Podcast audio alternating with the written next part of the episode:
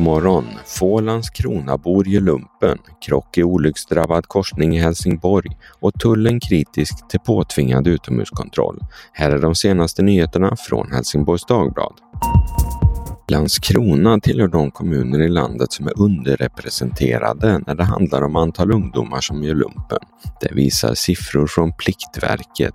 Från Landskrona gör just nu 21 personer lumpen medan siffran för Helsingborg exempelvis är 84. Varför det ser ut så här ska nu Pliktverket undersöka. Igår kväll strax efter klockan sju fördes tre personer till sjukhus efter en olycka på Österleden i Helsingborg. Där hade två bilar kolliderat i en sidokrock. Olyckan skedde i korsningen Österleden och Södra Brunnsvägen strax norr om Ättikulla, där det tidigare skett flera allvarliga olyckor. Efter att de lokaler som tullen använder för att kontrollera last som kommer in till Helsingborgs hamn har dömts ut på grund av brister i arbetsmiljön tvingas nu tullen göra sina kontroller utomhus. Det innebär bland annat att information om vad tullen hittar kan läcka ut till eventuella smugglare samt att situationen bedöms som mer riskfylld för de som utför arbetet. De utdömda lokalerna tillhandahålls av Helsingborgs hamn som ännu inte lyckats erbjuda tullen nya. Hamnen menar dock att det finns faktorer som påverkar att det inte blivit gjort och att de nu arbetar med att lösa det. Nu stöter tullen på hamnen ytterligare och skriver i ett skarpt formulerat brev att det kan bli tal om att tillfälligt dra in hamnens tillstånd att ta emot gods från länder utanför EU om situationen inte löses. Hamnen och tullen ska nu träffas i mitten av januari för att diskutera saken.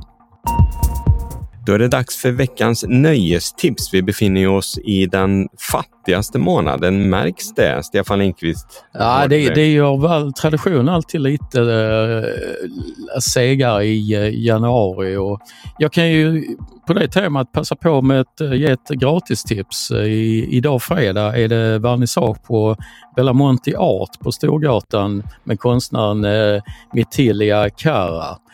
Det behöver man inte betala för. Nej, nej. Det behöver man inte betala för även om man eh, det krävs en båtbiljett om man vill åka med Pernille och för där spelar Martin Nilsson ikväll på Tura Live.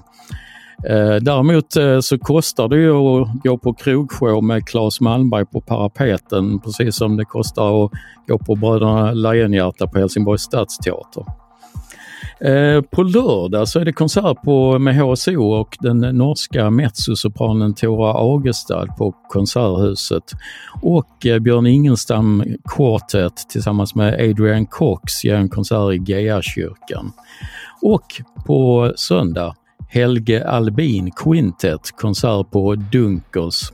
Och sista dagen för konstnären Per-Olof Olssons sista utställning i ateljén på Kajpromenaden. Ja, ja, men det blir ju ändå en hel del tycker jag. Absolut. Tack så mycket.